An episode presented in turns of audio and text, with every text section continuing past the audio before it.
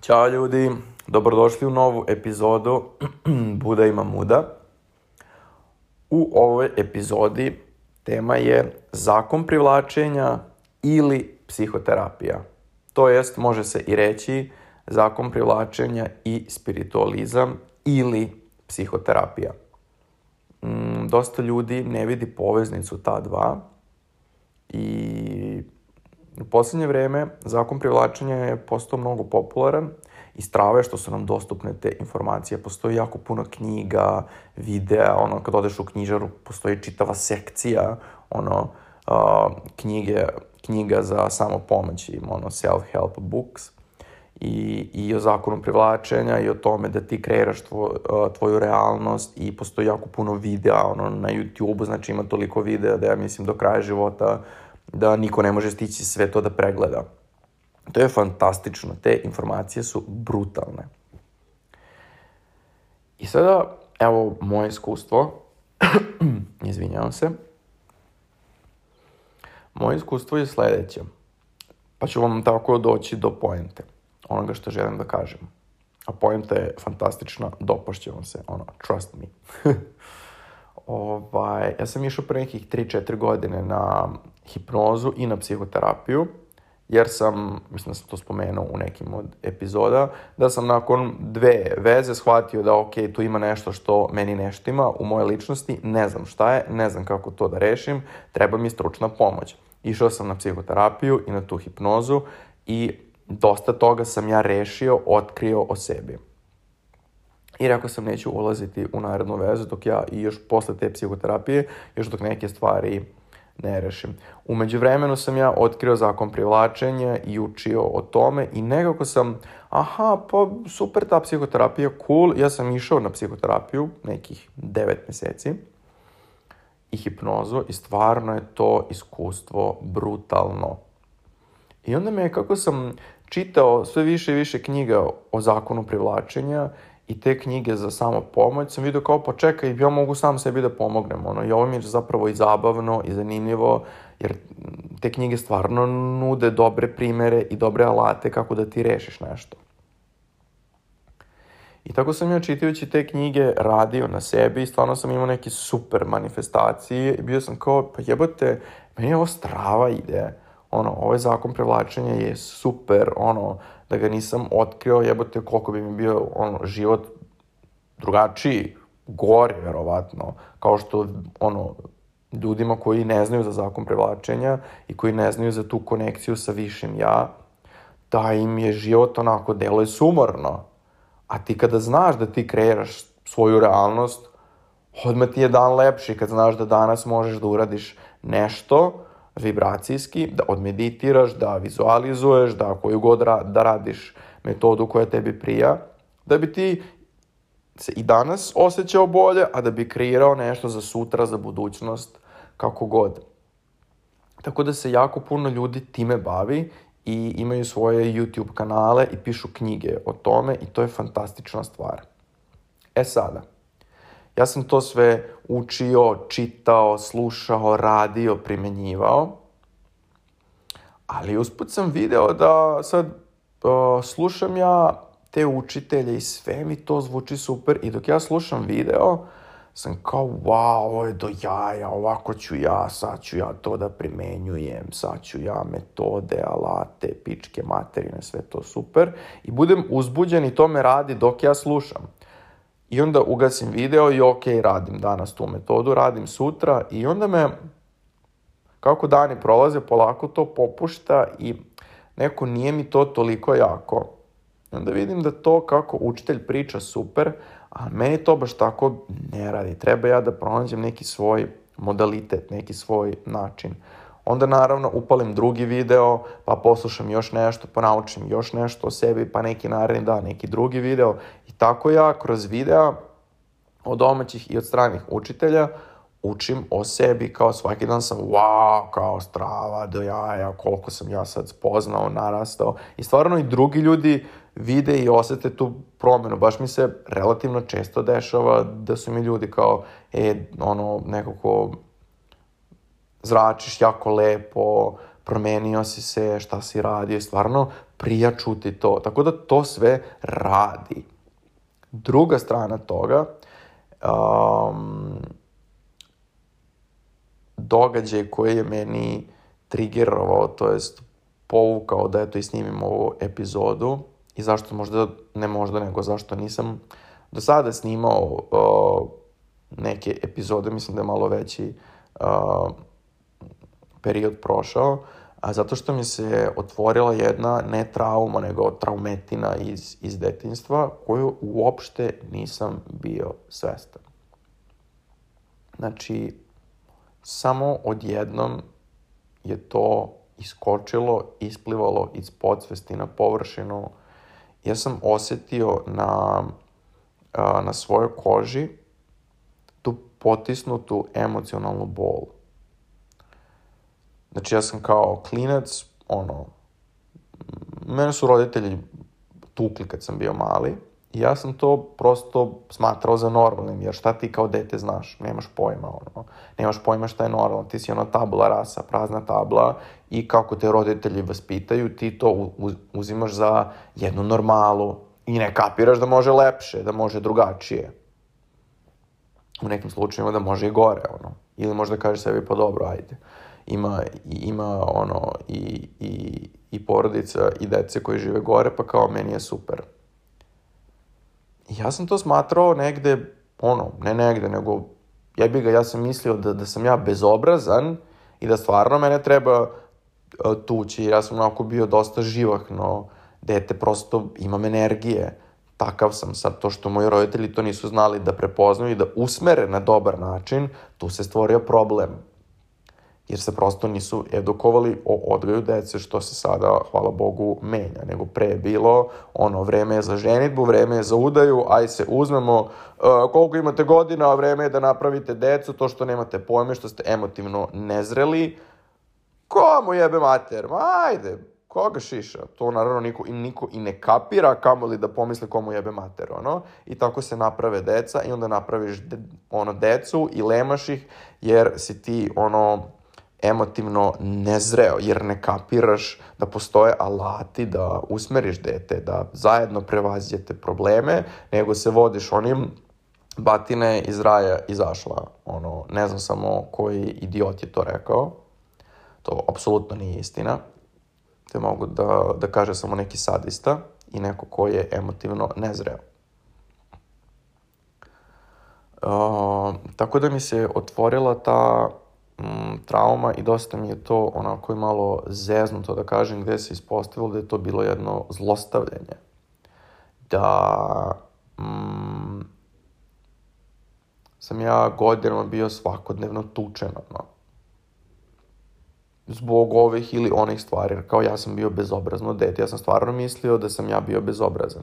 Elem sada da ne dužim o, o tome, ali poenta ovoga što pričam je da sam ja potpuno nesvestan toga uh, učio o svesnosti, čitao knjige, bavio se spiritualnošću, dušom, duhovnošću, zakonom privlačenja i sve to meni super služilo, a ova trauma je, je ležala zakopana u mojoj podsvesti i sve vreme mi pravila problem. Ja sam sve vreme osjećao da ja ne vredim dovoljno, da nemam dovoljno samopouzdanja, ali kao okej, okay, Radim na tome, gradim i naš kao, ok, prosto izgradit ćeš ga, sve je ok. Okay. Tako sam govorio o sebi. Dok mi nije isplivala ta traumetina i dok ja nisam osetio tu potisnutu bol. Znači, to je bilo prestrašno. Znao sam da je to potrebno i da je strava što je isplivalo, ali prosto je bilo prestrašno. I sad, ja imam preko 30 godina, nemam puno više od toga. A, 30 i 4.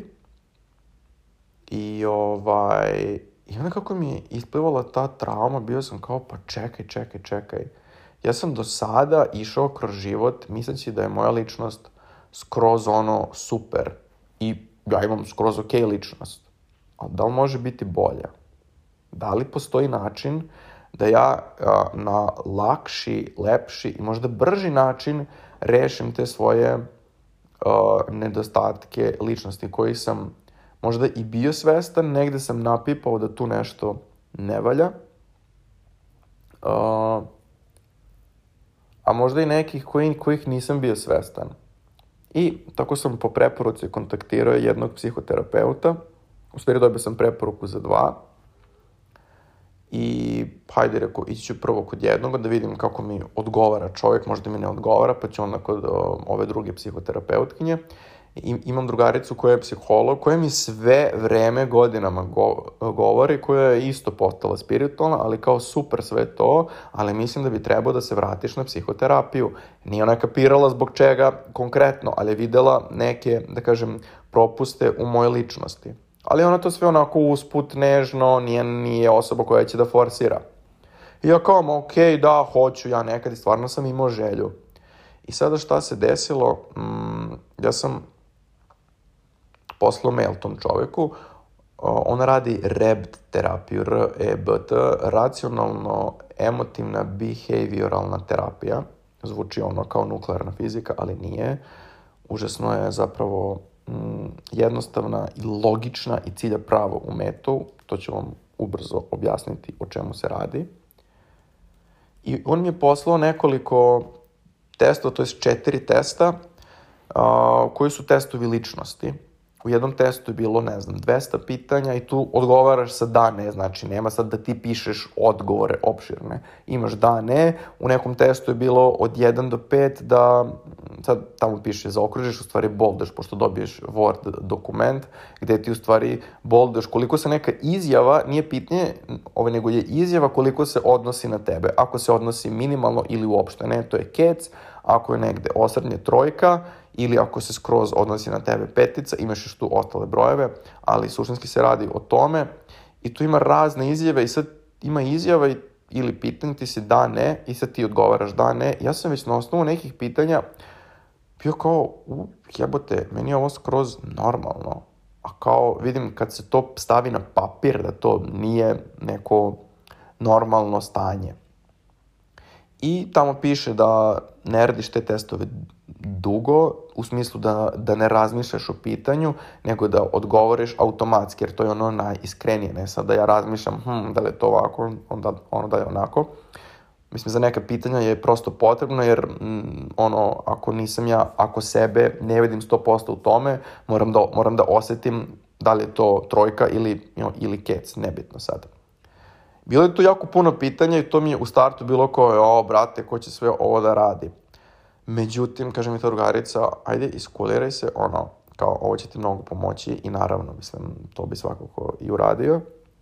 I poslao sam odgovore tom psihoterapeutu i on mi se javio kroz ja fazon nedlju dve dana dok je uradio ove rezultate tih mojih testova i preključe, ja mislim, preključe, ovaj smo um, se videli, online je terapija i sastoji se iz uh, tri dela, to jest prvi, ta prva terapija je bila, prvo mi on ob, objasnio a, šta sve podrazumeva REPT terapija, a zatim je mm, objasnio koje sve ćemo alate i, i metode koristiti i uh, drugi deo je bio da mi ispriča rezultate mojih um, testova i treći deo da mu ja kažem nešto o sebi, on sam ja pričao o traumi, bla, bla, bla.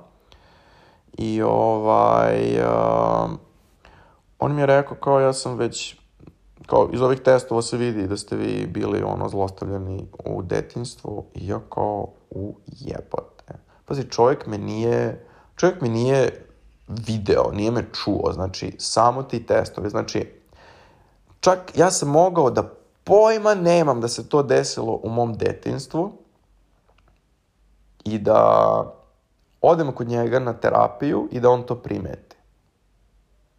Što je fantastična stvar. Znači, zato ovo, ovo snimam. Uopšte mi nije prijetno da ja sad pričam o ovome u epizodi. Naravno da mi nije prijetno.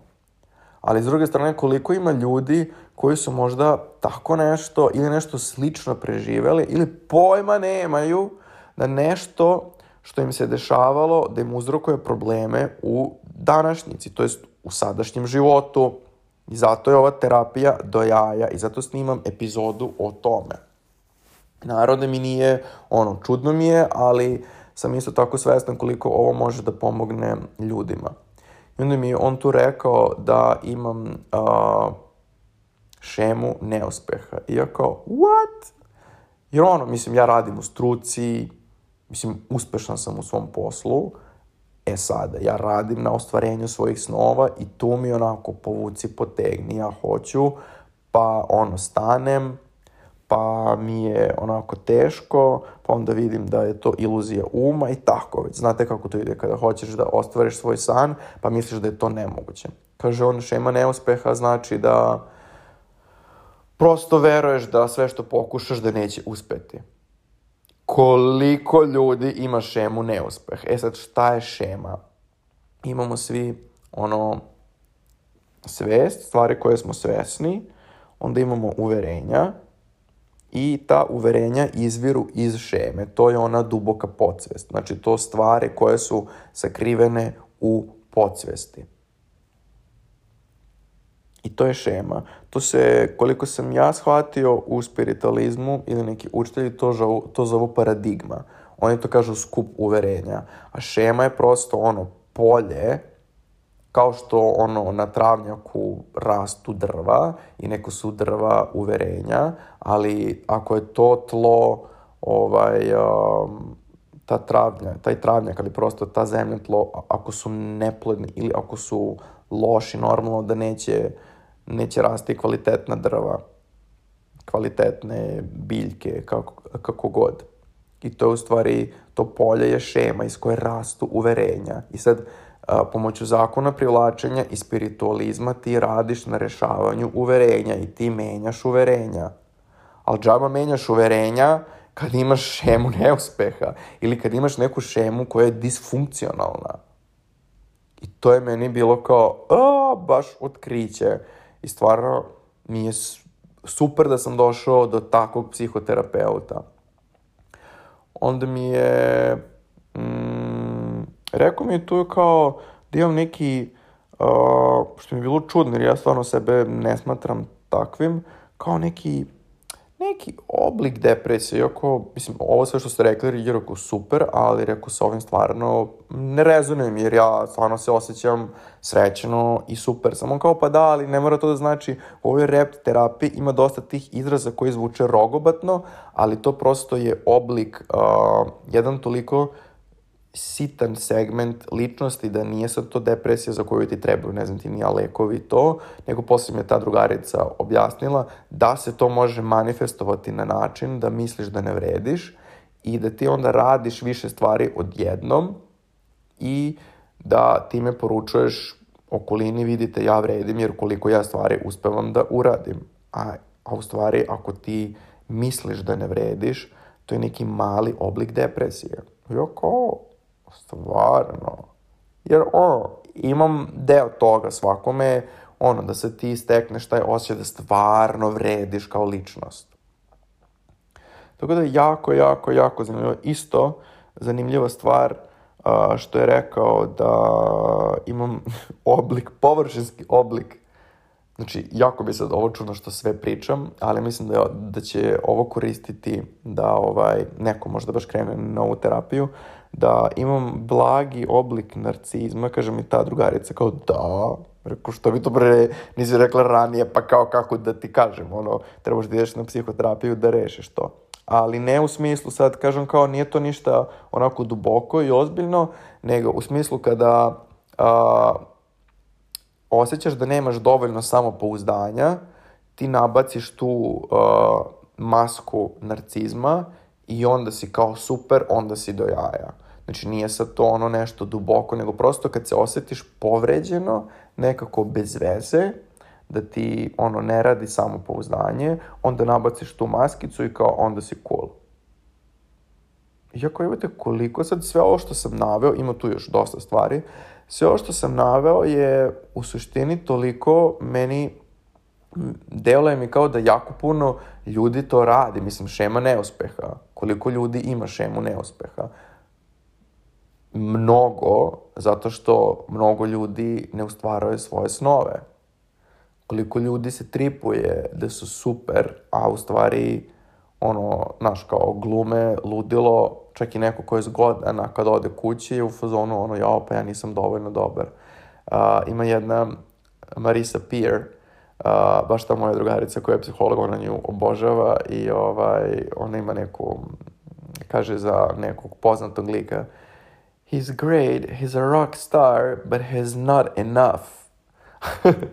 u smislu da je on kao poznat i jak, ali on kad ode kući, on osjeća da nije dovoljan, da nije dovoljno dobar. Imate dokumentarac uh, o Lady Gaga koju sam skoro sam gledao sasvim slučajno, Uh, mislim da ga sam nikad ne bi pogledao jer kao on prosto nemam naviku da gledam o poznatima dok, dokumentarce, ali nakon toga ću gledati. Znači koliko je ona žena, devojka sjebana psihički, je to strašno. Ja sam bio potresen dva dana.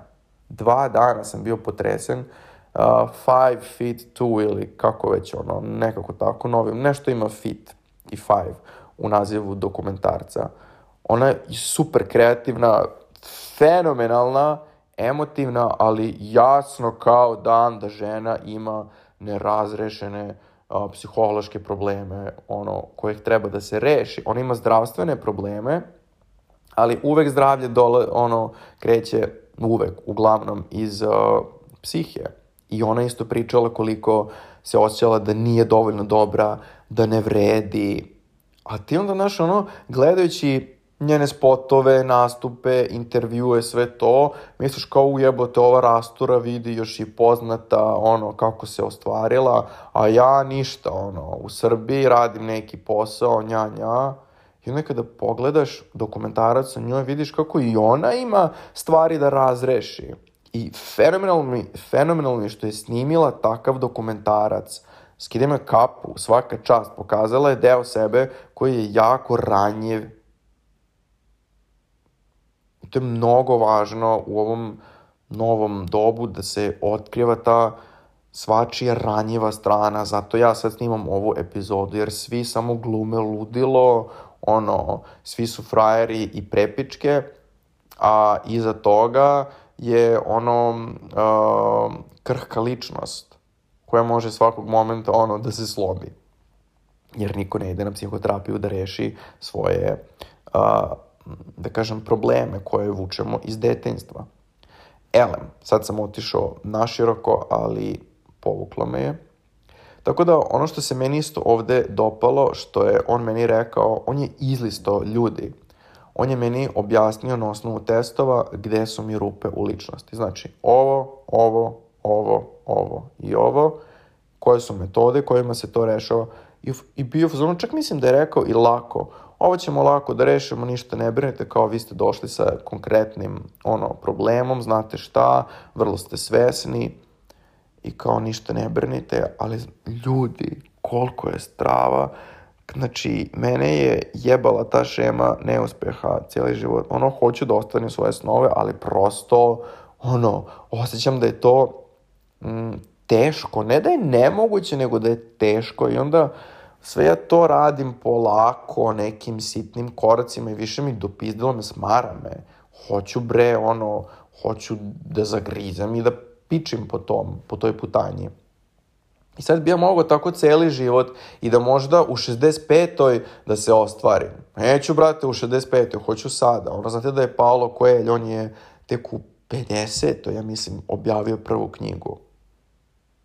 Bukovski je isto tako nešto, 50 60-a. Koliko ljudi se, se ostvarilo u kasnim godinama. A zašto? Jer im psiha sama prirodno sazri do tada i tada steknu muda da urade nešto konkretno.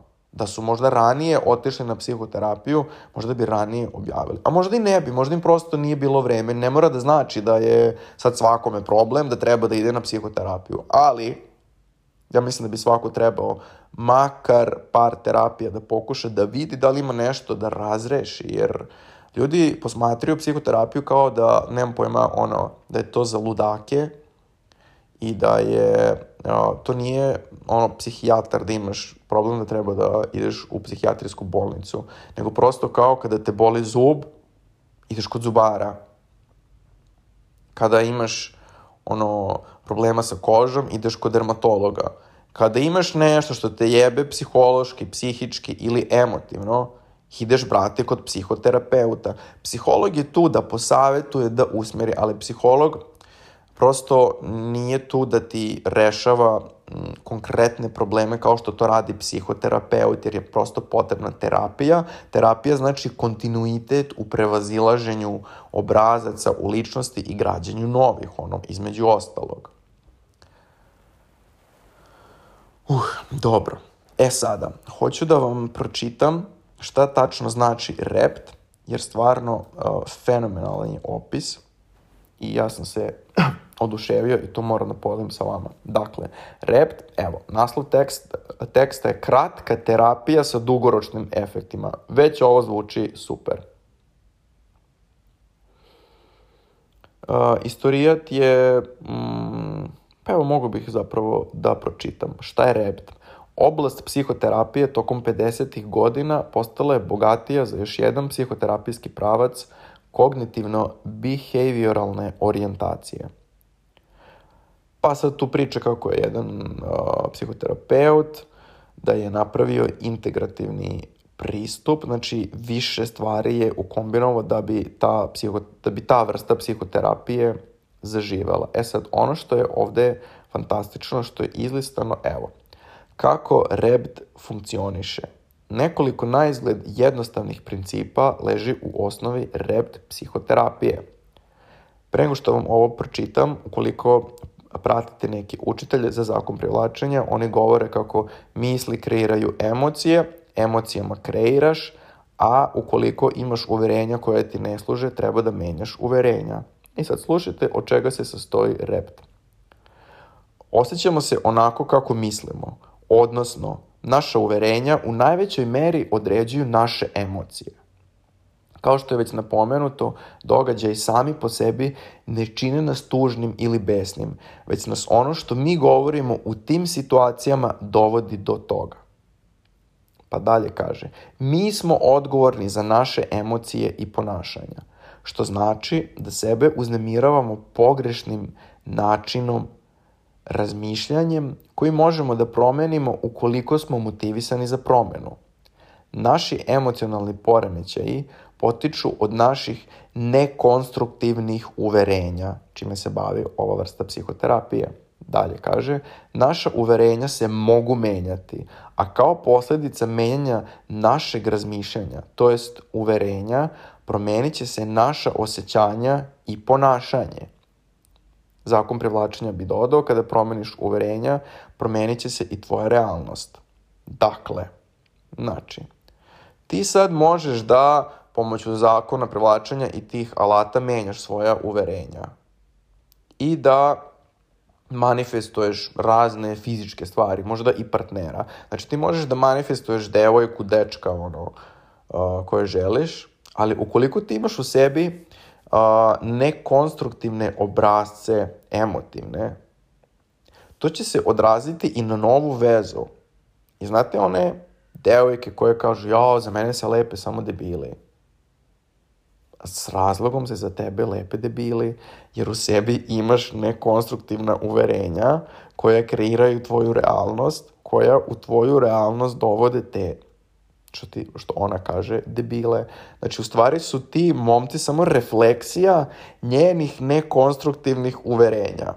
I ona sad može celi život da provede misleći, ja, momci su ono, idioti, debili, majmuni, ne shvatajući da je to odraz nje iznutra. I ona sad može da kreira, da napravi po, ono, sad od nekih, od, od domaćih užitelja, kako kaže, da napraviš listu kakvog partnera želiš. I može privući takvog partnera. Ali će on, uh, ili će on imati neku karakteristiku za koju će ona opet misli da je negativna ili će ona u toj uh, vezi da se ponaša tako da će opet to da se raspadne. Zašto? Jer ima u sebi emotivne obrace koje treba da promeni, koje dolaze iz detinstva, koji polaze od njenih roditelja ili okoline gde je živela, nebitno sad ko je odgajao baka, deka, nisu nas svi odgajali roditelji, ono, ili neka ustanova sad. Um, Tako da, meni je sad ovo super jer ono što konkretno ja uh, pratim Anu Bučević i super mi je ona. Ja sam od nje saznao za uverenja i za promenu uverenja i to misli, emocija. Evo, postoji psihoterapija, znači, koja govori isto to. Znači, ja ne moram da kopam po svojoj glavi, da vidim koje mi je uverenje, sam da se mučim, trošim vreme, čabu, nego jebote odem na psihoterapiju, rebt, uradim testove ličnosti i čovjek iz lista koja imam uverenja koje su disfunkcionalna, koja su nekonstruktivna. I onda on ima rešenja, čovjek ima plan i rešenja i alate da zajedno rešimo ta negativna uverenja. Ali ne samo negativna uverenja, nego šemu iz koje izviru ta uverenja, što je mnogo važnije. Jer ja ne želim da u 50. ono rešavam to, hoću sada to da rešim i da onda lepo da mi naredna veza bude super. Mislim, već mi je prošla veza bila lepa, ali želim da mi naredna bude još lepša, jer sam i u, u prošloj vezi koja je bila u odnosu na one prethodne, stvarno bila mnogo, mnogo lepša, ali je tu isplivao deo mene gde sam video, aha, ja imam još nešto da rešim. Ok, idem sad to da rešim. I što kaže ta moja drugarica koja je psiholog, ona isto bila u fazonu, nešto njaka, ja neću da ulazim u vezu dok ja ne vidim šta je to. I skoro je se isto otvorila ta traumica i naravno bila je od ćaleta. No, kao ono, ono meni je keva, ono, ono jebala kevu, njoj je ćale i kao kad sam ja to skontala i samo je, kaže, kaže, kaže samo je krenuo ono da je se vraća film, šta je ona osjećala u prethodnim vezama i zašto je prekinula poslednju vezu jer je shvatila da tu nešto neštima, a nije mogla da shvati šta. Izgleda da je sada vreme otvaranja tih trauma, ono, dešava se veliko duhovno buđenje gde a, čak i sam, ono, ukoliko radiš na sebi, će ti se otvoriti možda neka trauma, traumica, gde ćeš vidjeti tvoje disfunkcionalno ponašanje. Međutim, ok da se to otvori i onda ego može da bude u fazonu, u, kao što sam ja bio kratko vreme, u, pa ja sam sad skonto koja mi je trauma, ja sam sad procvetao, jer sam ja shvatio koliko je a, ta moja trauma pravila stub moje ličnosti, sve uh, stvari koje se meni nisu sviđale u vezi mene, su bile uzrokovane tom traumom, a ja to nisam apsolutno bio svestan. Ja sam sad mogao da primenjujem zakon privlačenja, da ja govorim da sam duhovan, da sam spiritualan. Jesam. Ali imam prosto te nekonstruktivne šeme i uverenja koje ne moram sam da rešavam, to je poenta nego ću sa stručnim licem koji zna kako se to radi. I onda, kad ja rešim te šeme, ta uverenja, onda dolazi spiritualizam, onda dolazi duhovnost, onda dolazi zakon privlačenja, onda to sve stupa na snagu. I onda to u svojoj svoje punoći lakše funkcioniše. Ne moram da radim metodu 100 godina afirmacije, vizualizacije, meditacije, mislim ja volim da meditiram i da vizualizujem, ali kad ti imaš šemu neuspeha u sebi koja se sigurno odražava na sve segmente, to sve ide teže. Sve te metode i zakona prevlačenja idu teško. A zato znate neke ljude, barem ja, koji uopšte nisu spiritualni i nemaju pojma za zakon privlačenja, a imaju, a, žive u većem obilju.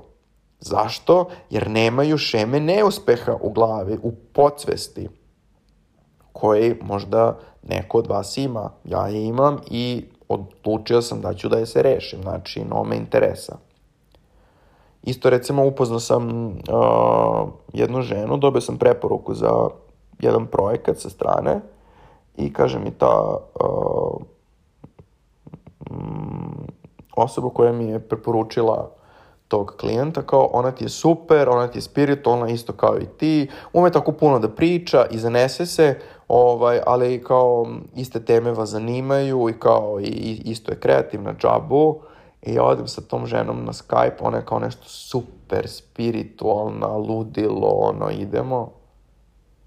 I ja prepoznam u njoj, mislim, ona jako puno priča, jako puno priča I ja sam rekao da imam sat vremena za sastanak. Sad ovom pričam Znači, jedan primer da vidite kako osoba koja je spiritualna, a koja nije išla na psihoterapiju, koliko je zapravo loša po sebe i po drugi, a da toga uopšte nije svesna, jer a, se krije iza spiritualnost i na kraju a, epizode ću vam reći čitavu pojentu ovoga sve što sam rekao, jer baš onako poenta koju sam ja shvatio kada mi se otvorila trauma, a to onda mi istu rečenicu mi je rekao psihoterapeut, što mi je bilo ono, wow, koja je fantastičan zaključak čitave ove epizode i da vidite gde ste i šta ste, ono.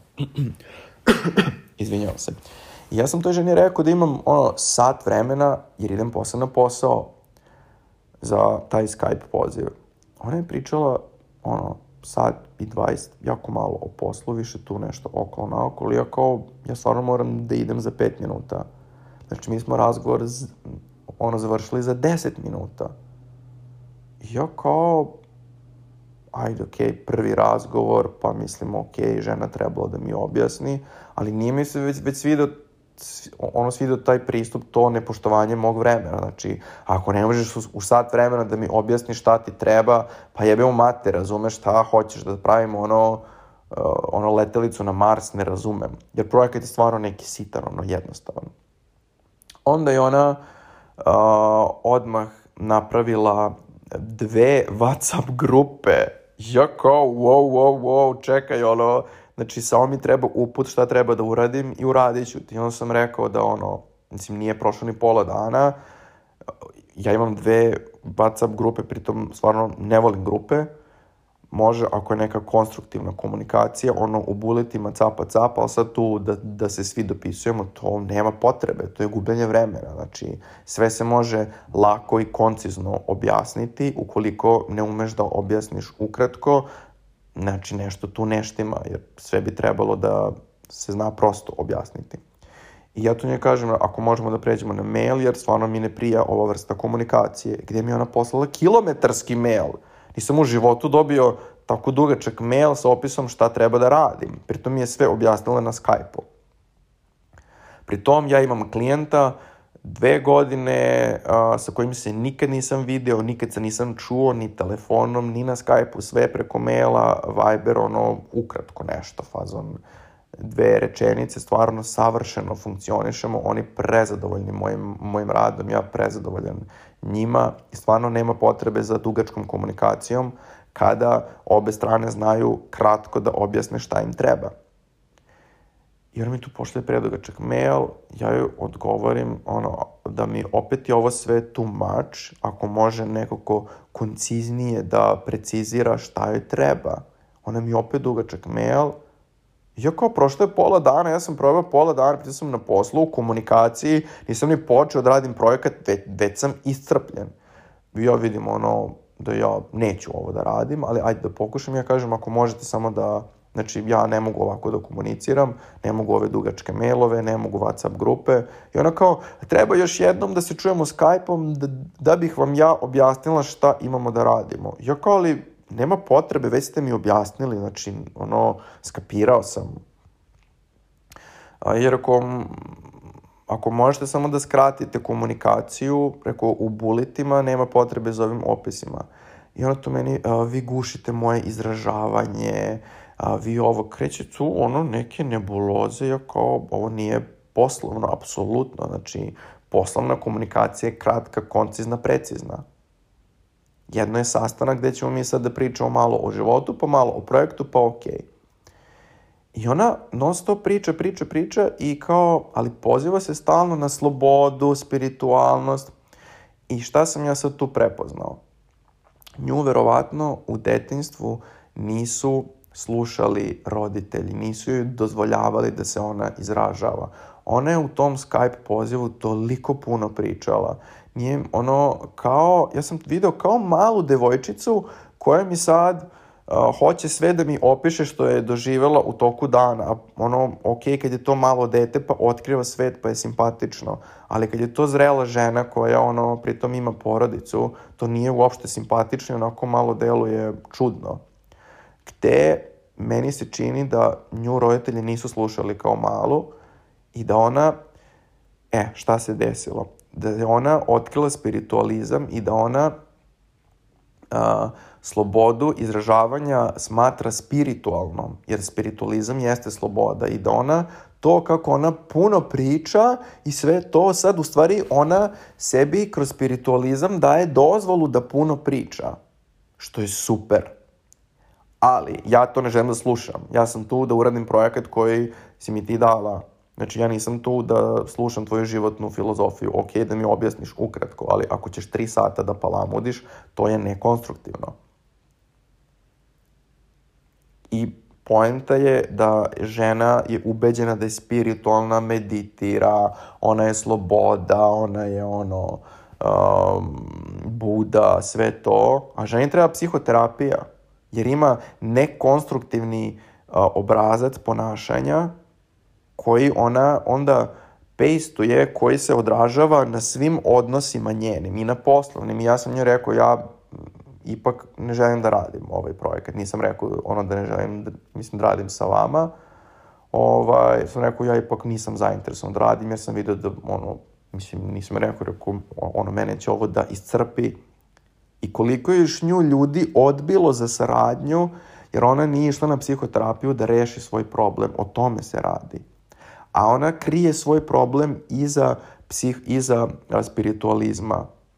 Znači, utripovala je da je spiritualna i jednim delom jeste, ali nije rešila a, svoje traume.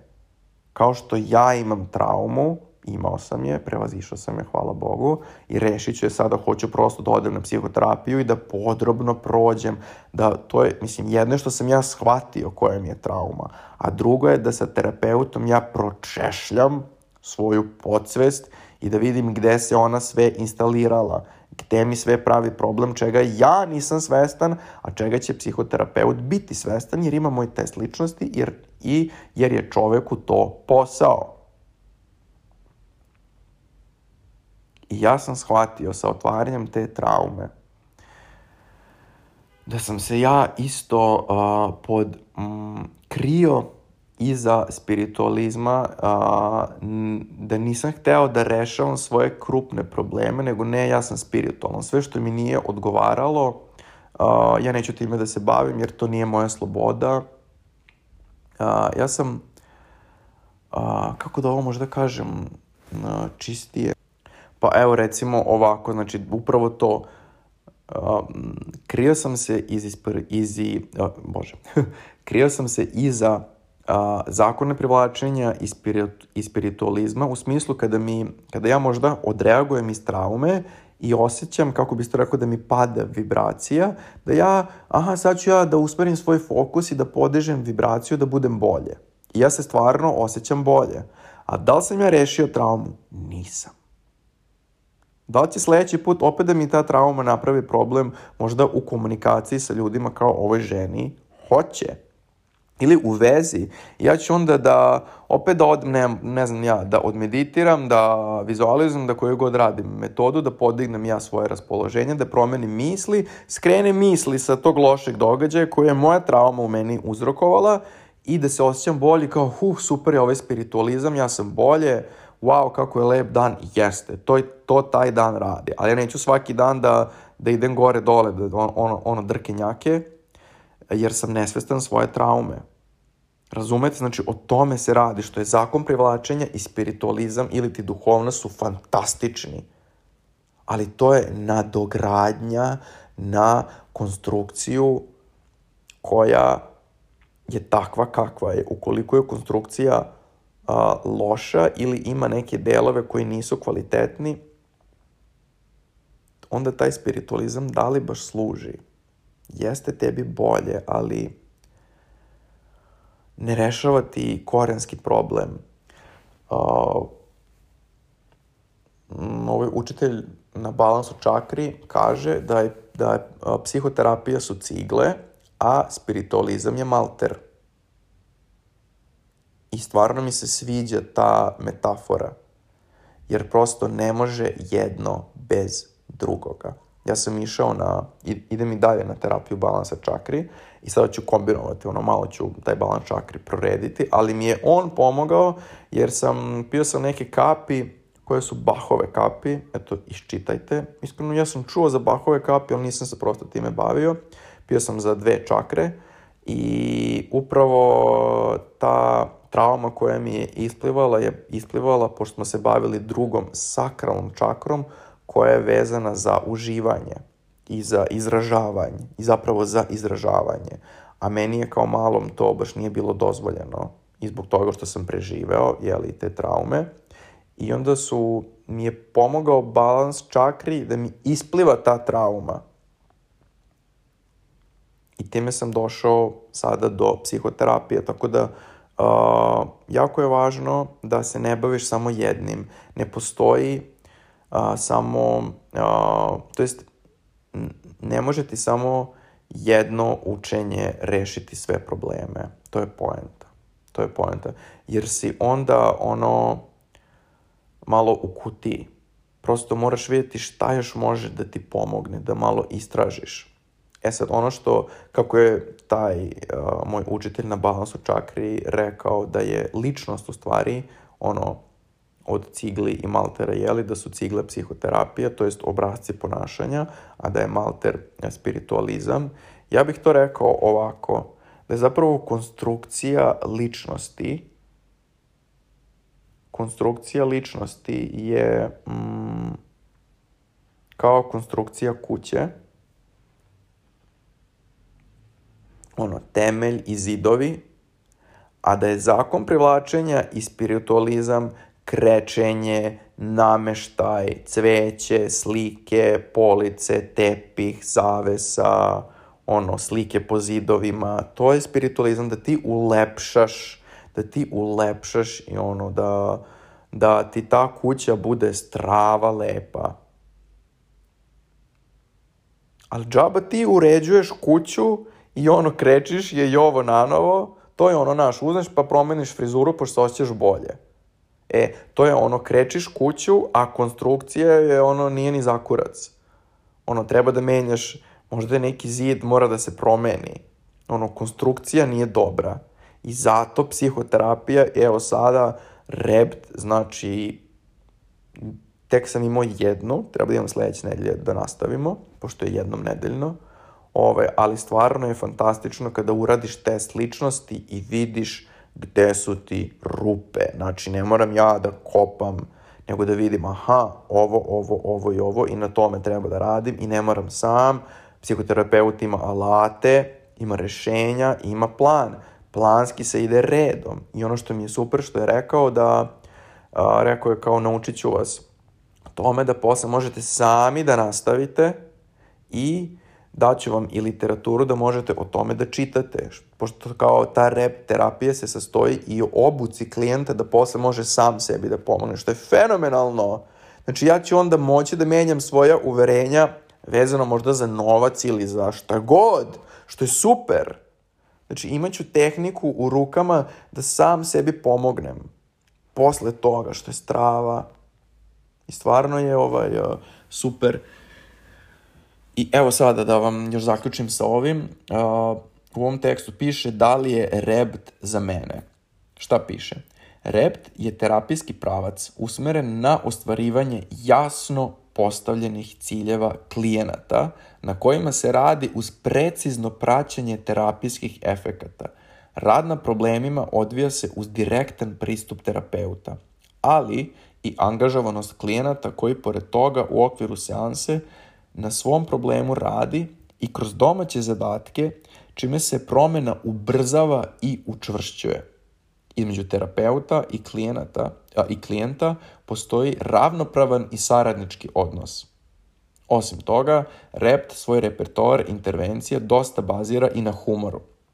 Iskustvo rept terapeuta ukazuje na to da ovakav metod rada pogoduje najvećem broju klijenata u rešavanju njihovih emotivnih i psiholoških problema. Dalje kaže, da li rept može da reši moj problem? Rept pripada grupi kognitivno-behavioralnih intervencija. Ovo behavior, behavioralnih znači u vezi ponašanja. čija efikasnost je više puta dokazana u radu sa različitim psihološkim problemima. To je za posledicu imalo širenje ovog terapijskog pravca terapije u celom svetu i milione zadovoljnih klijenata koji su, pomoć, koji su pomoću repta uticali na promenu svog života. Jako važna rečenica. Uticali na promenu svog života. Znači, ne da ja sad kreiram i da se nadam i da će doći, nego ću ja na ovoj terapiji konkretno da utičem na fucking promene. Nema ono, uh, moglo bi, bilo bi lepo i sve to, nego ću ja sad to da rešim. To mi je strava. I evo još ovo, jedna stvar, jer stvarno nas ima raznih.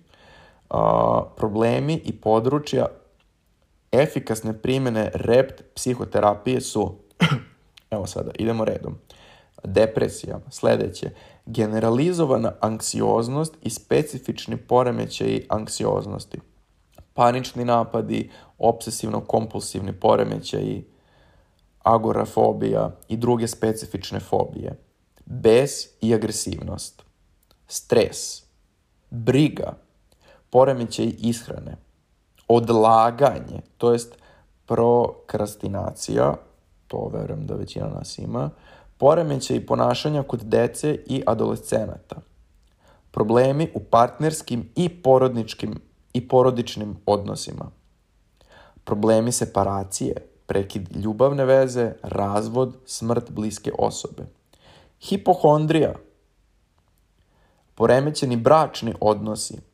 seksualne disfunkcije, o ovome sam pričao sa psihoterapijom i otkrio mi je, jer uh, 50% moje seksualnosti mi je jasno i onih 50% onako. I onda mi on tu odmah na prvoj terapiji otkrio šta je tu problem. Bio sam kao, wow, ono, oduševljen. Jer pokušam sam da saznam godinama i nisam baš skapirao, tako da mi je ovo super da mi on to otkrio. Zatim dalje kaže, ljubomora Pa dalje, problemi u komunikaciji, to jest naučiti asertivnost. Pa dalje, poremećaj ličnosti i na kraju posttraumatski stresni poremećaj, PTSP. To je kada neko preživi baš ozbiljne, ozbiljne, ozbiljne stvari, u smislu ako je neko, nemam pojma, bio u ratu, pa je, nemam pojma, video da su mu ubili ono ratnog druga ili tako nešto i razne stvari, to je ono, od toga ti se stvori ono posttraumatski stresni poremećaj, to su baš ono ozbiljnije stvari, ali eto i to je rešivo.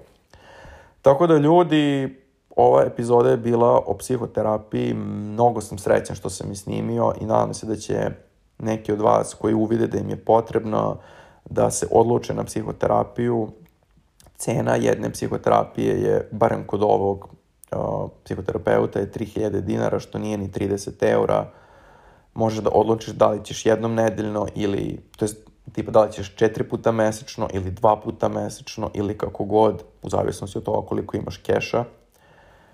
Ili možeš da uradiš što sam ja radio za prošlu psihoterapiju, da kreiram da mi dolazi keš za psihoterapiju. Tako da u ovom slučaju možeš da iskoristiš da ovaj manifestuješ novac za psihoterapiju. Tako da eto, lepe kombinacije zakona privlačenja i psihoterapije, jer stvarno razmisli da li želiš sa takvom ličnošću koju imaš da ideš kroz život ili sada kada sam ti ja objasnio da možeš da rešiš planski, precizno i ciljeno sa terapeutom sve te nedoumice i nejasnoće i, i, i, i nekonstruktivne stvari u svojoj ličnosti ovaj, uh, i da kroz život ono ideš srećnije i lakše. I onda kad ti sve to rešiš, zamisli koliko će ti lakše ići primjena zakona privlačenja, meditacija i ovaj, a, vizualizacija i sve ostalo. Znači, sve to što učiš će ti mnogo lakše ići, to je poenta. Nije poenta da ti teško to ide. Možda neko ima izazov sa meditacijom i teško mu je da meditira a možda je problem toga u konstrukciji ličnosti. Znači, imaš čoveka koji će da ti reši konstrukciju ličnosti. Kao, naš, ono sad, e, na primer, evo, ja to posmatram ovako, sad recimo kupiš plac i kuću i kuća treba da se renovira. I sad ti možeš da živiš u toj kući malo onako po, pukli zidovi, ne valja vodovod, ali okej, okay, ajde, sad ćemo to da zakrečimo, unesemo nov nameštaj, stavimo zavese, malo pod škripi, nećemo da radimo ono hoblovanje ili kako se zove, ili kako se zove, ili zamenu poda, nego ćemo eto tako malo da zafarbamo, zakričimo i dobro. I onda vremenom opet ono, imaš, imaš problema sa vodovodom, uh, ono, kreće pod da se raspada, krenu opet zidovi da pucaju, jer možda trebaju da se neki sruše pa da se ponovo izgrade džabu. Možda krov prokišnjava, ti se tripuješ pa kao ono, ok, staviš tu neku, ono, neku posudu pa sve to, a u stvari treba restauracija, rekonstrukcija, mislim ne rekonstrukcija, nego ove renoviranje, da, tu reč sam tražio, treba renoviranje i restauracija kuće. E, psihoterapija je renoviranje i restauracija tvoje ličnosti. I onda to uradiš, odradiš, ideš lakše kroz život. Znači, u vezi ćeš biti srećniji, a u vezi ćeš biti srećniji. Znaćeš kada ti se pojavi nešto što ti se ne sviđa kod sebe, šta je to, umećeš da prepoznaš i bit ćeš kao, aha, to je to, znam koji je metod, sad ću to da rešim. Ili kada upoznaš neku osobu, devojku, dečka, ćeš videti na osnovu svog iskustva sa psihoterapije koji problem ima ta osoba pa ćeš ili moći da mu pomogneš ili njoj, ili ćeš vidjeti ovo je ozbiljan problem, ja ne želim da ulazim u vezu s takvom osobom. A ne da uđeš u vezu i da skontaš da je ta osoba majmun i da se misliš, bože, našta, ono, ja trošim svoje vreme. Jer nakon psihoterapije ti dobiješ alate da naučiš uh, kako da uh, dalje sam radiš na sebi ili sama radiš na sebi Tako da nemojte se kriti iza spiritualnosti, nemojte se kriti iza zakona privlačenja i misliti da je to najbolja moguća stvar koju možeš, koju možeš da uradiš za sebe. Da, jedna od jeste. Energetske metode su isto super. Reiki, ja sam radio regresiju. Ima sad tu stvarno, stvarno ono raznih. Balans čakri, fantastičan, svakome bi preporučio.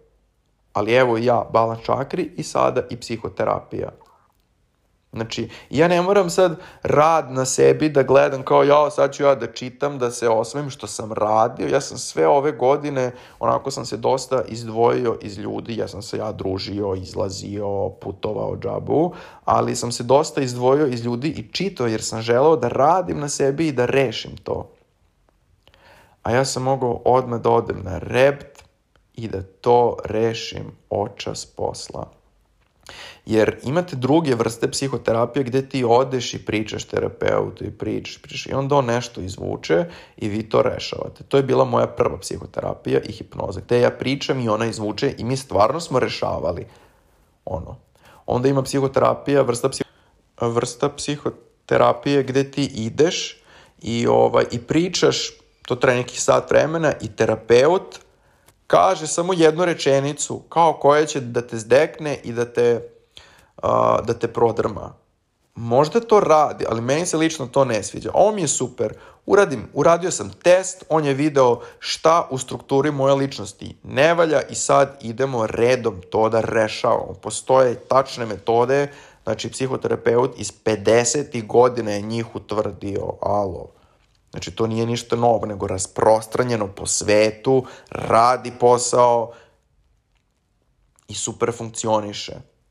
I onda kad ja sad sredim svoju ličnost na psihoterapiji, onda ću ja lako da primenjujem zakon privlačenja i da napredujem u životu i da idem uh, da ostvarujem svoje snove lakše, a ne da se ja osjećam kao, ja, ja se to želim, ja, ja mislim da mogu, ali mnogo mi je teško, pa ajde danas neću, nego ću sutra.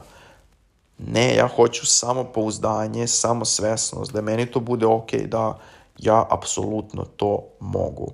Ono što mi se dopalo, na kraju psihoterapije sam ga pitao, a, jel može sada da mi kažete nešto lepo o mojoj ličnosti, ovaj, pošto smo, sa, pošto smo ilistali sve negativno, reko čisto da zaključimo ovaj, Rekao, značilo bi mi vaše mišljenje, a i sigurno test rekao nešto super. Kaže on, da, kao vidim da ste vi jedna rezilijentna ličnost i kao svaka čast u odnosu na to šta ste preživali u detinstvu, kao vi ste strava. Svaka čast. Ove kako se nosite sa time i kao ono, vrlo racionalno vidite u čemu je problem, hoćete to da rešite, svesni ste i kao hvala vam što ste se od, od, otvorili da pričate o svemu ovom, pošto ja sam mu pričao ono detaljno o, o traumi šta je to sve uzrokovalo. Kažem, kao mnogi klijenti se ne otvore odmah tako, ovaj, a kao vi ste vrlo svesni. Rekao, ja sam došao da rešim problem i sad šta god da je rešenje, nije mi ništa problem da uradim. Naravno, ne po moju štetu niti po štetu drugih, ali ja sam došao kod vas po rešenje, jer ako nemojte uopšte da mi sad tu pakujete ništa u vezi moje ličnosti, recite mi koje su ono problemi i da rešavamo to. I to je stav osobe koja će napredovati u životu. A ne kao, a, ja sam super, meni ne treba psihoterapija, a, evo pogledaj moj život, meni je skroz okej. Okay. Znam, a, Mislim, jedan drugar koji ima, ono, 40 godina, kojem sam, ono, isto ima neku kevu koja neka, aj sad ne bi da podrem nikakav ovaj, neprikladan izraz, ali vidim da mu keva nije baš, ono, umilna i nežna. Ne znam šta je preživeo u detinstvu, ali, ono, ja mu kažem, ono, druže, mislim da bi tebi trebala psihoterapija. On, pošto je uspešan u svom poslu, izgrađena ličnost, ne, meni ne treba ego mu je jako kuća. A osjećam od njega u energiji onako malo kao nuklearni reaktor, da u, nje, da u njemu samom ga nešto jede, ali on to ne oseti jer je usvojio to kao normalno referentno stanje, prosto on je takav. I nemojte biti jedni od tih ljudi. Znači, možeš da odeš, da uradiš, to je da na, znači, nađite tog rep terapeuta, uradiš taj test ličnosti, prva terapija je koliko? 3000. Znači, 3000 će ti reći uh, sve što možeš prevazići da ti život procveta, da ti bude bolji. Wow! Na šta sve ono, trošiš 3000, razumeš, na neke gluposti, da li ćeš ono da kupiš, ne, ne znam ti, nija nove patike ili nešto, odvoj u stranu ovo, idi vidi koji su ti uh, da kažem, nedostaci u ličnosti i možeš to da rešiš. I da onda za godinu, dve ili čak možda i za par meseci ono samo fu, da te život katapultira u pravcu tvojih snova, tvojih želja gde želiš da ideš. Ovo sa rep terapijom je, je super, što se problem može rešiti za mesec dana, može na dve terapije, može za tri meseca, nekome će trajati i godinu dana. Ja sam u fazonu idem dok ne rešim. To je poenta a može se rešiti jako brzo.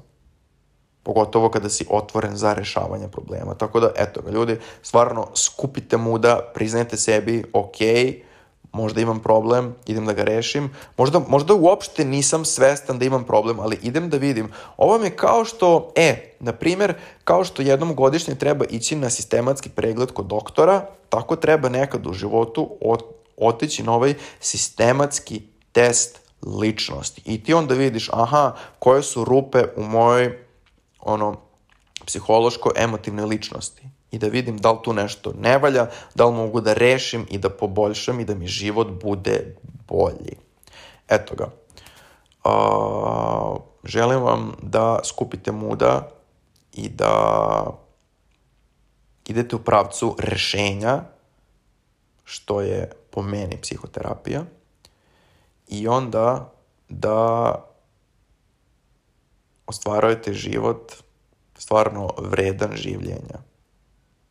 I da nema potrebe da se mučimo sa, da sami rešavamo svoje probleme, postoje ljudi koji su stručnjati za, za to, koji se time bave, koji su prošli sve i svašta i koji će na mnogo lakši način da nama reše probleme.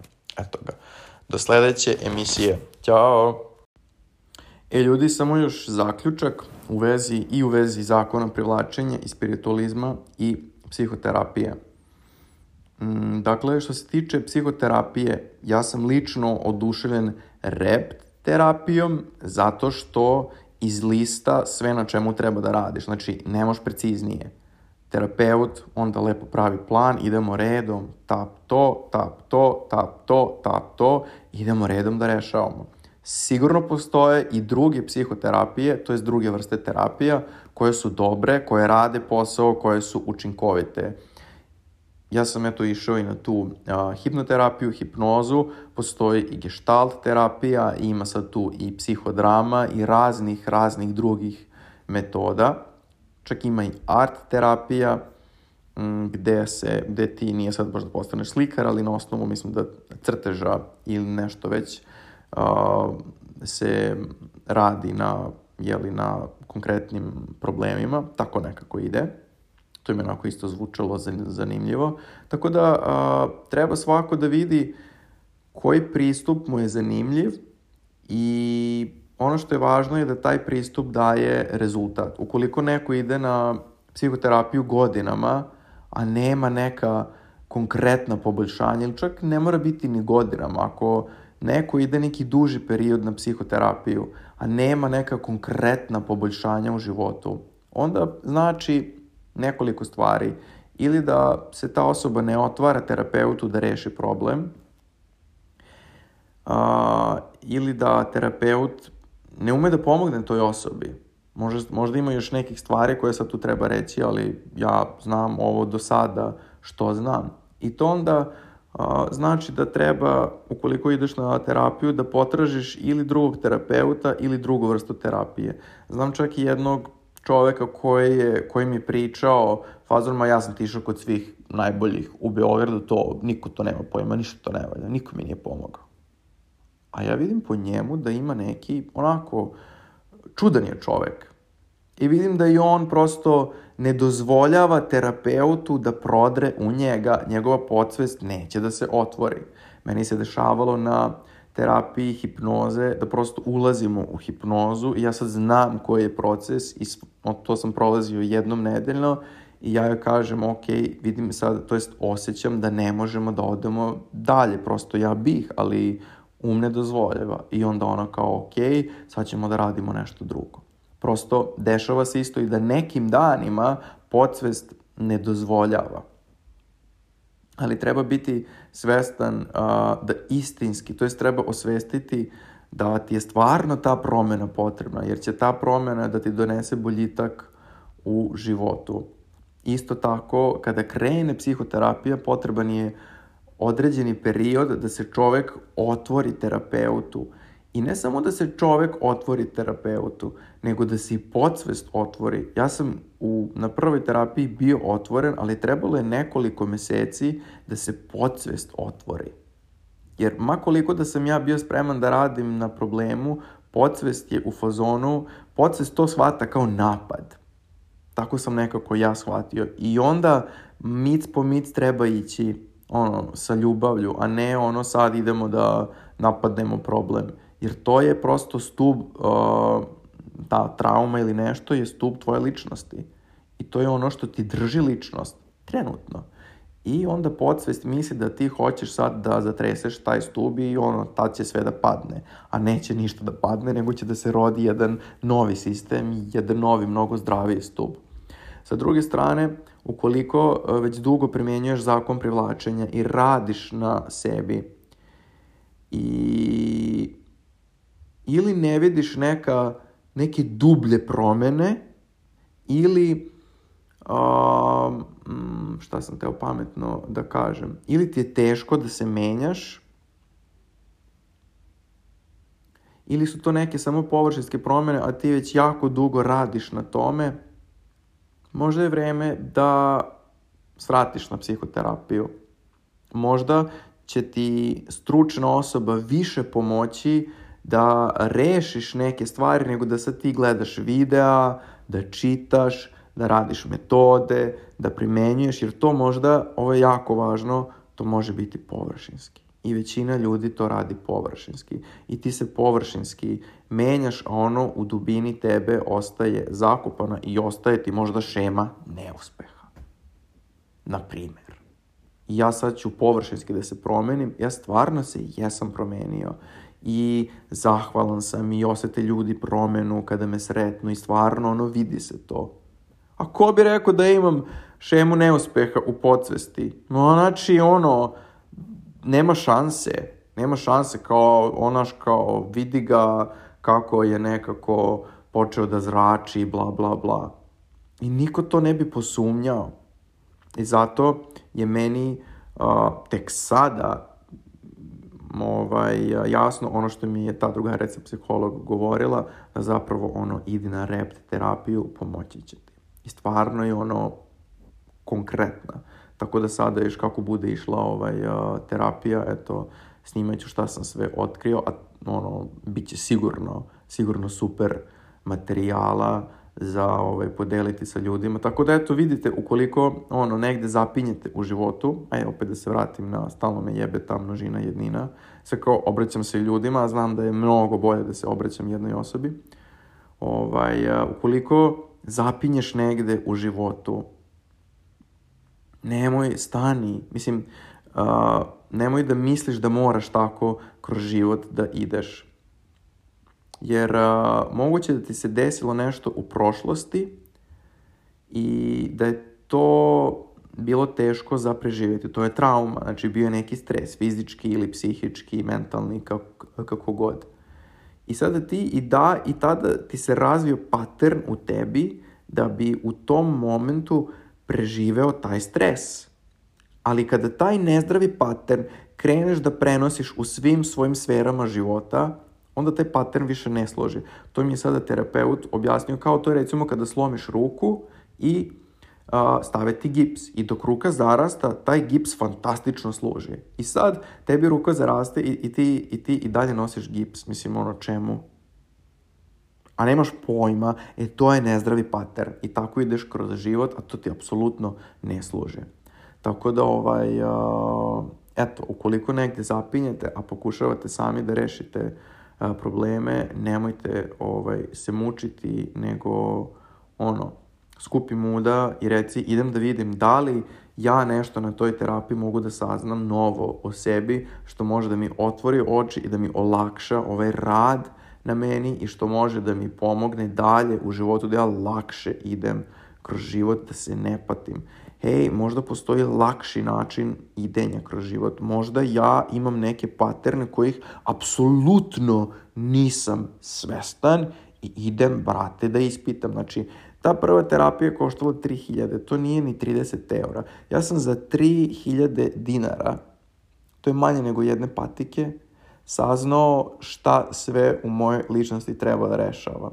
Jebote. A koliko ljudi troši pare na razne stvari koje im suštinski ne trebaju. A ovde vidiš tačno šta. Tako da, eto, to sam još samo želao da dodam da a, nemoj da pristaješ na to da je da život mora tako biti težak, da je tebi težak. Eto, drugima je lak, ti si ono rođen ili rođena pod nesrećnom zvezdom. Tebi je život težak, takva je sudbina pičke materine. Ne. Apsolutno ne. To samo znači da imaš neke šeme, neke strukture koje ne služe ni kurcu i to treba sad ukloniti da tvoja ličnost procveta i da onda ideš u punom pogonu kroz život. Da, zakon privlačenja, sve je to super, služi, ali ukoliko ti to ne otklanja te, te skobe, te stvari, onda je vreme za psihoterapiju. Jasno kao dan. Tako da, eto ga. Do sledeće epizode. Ćao ljudi!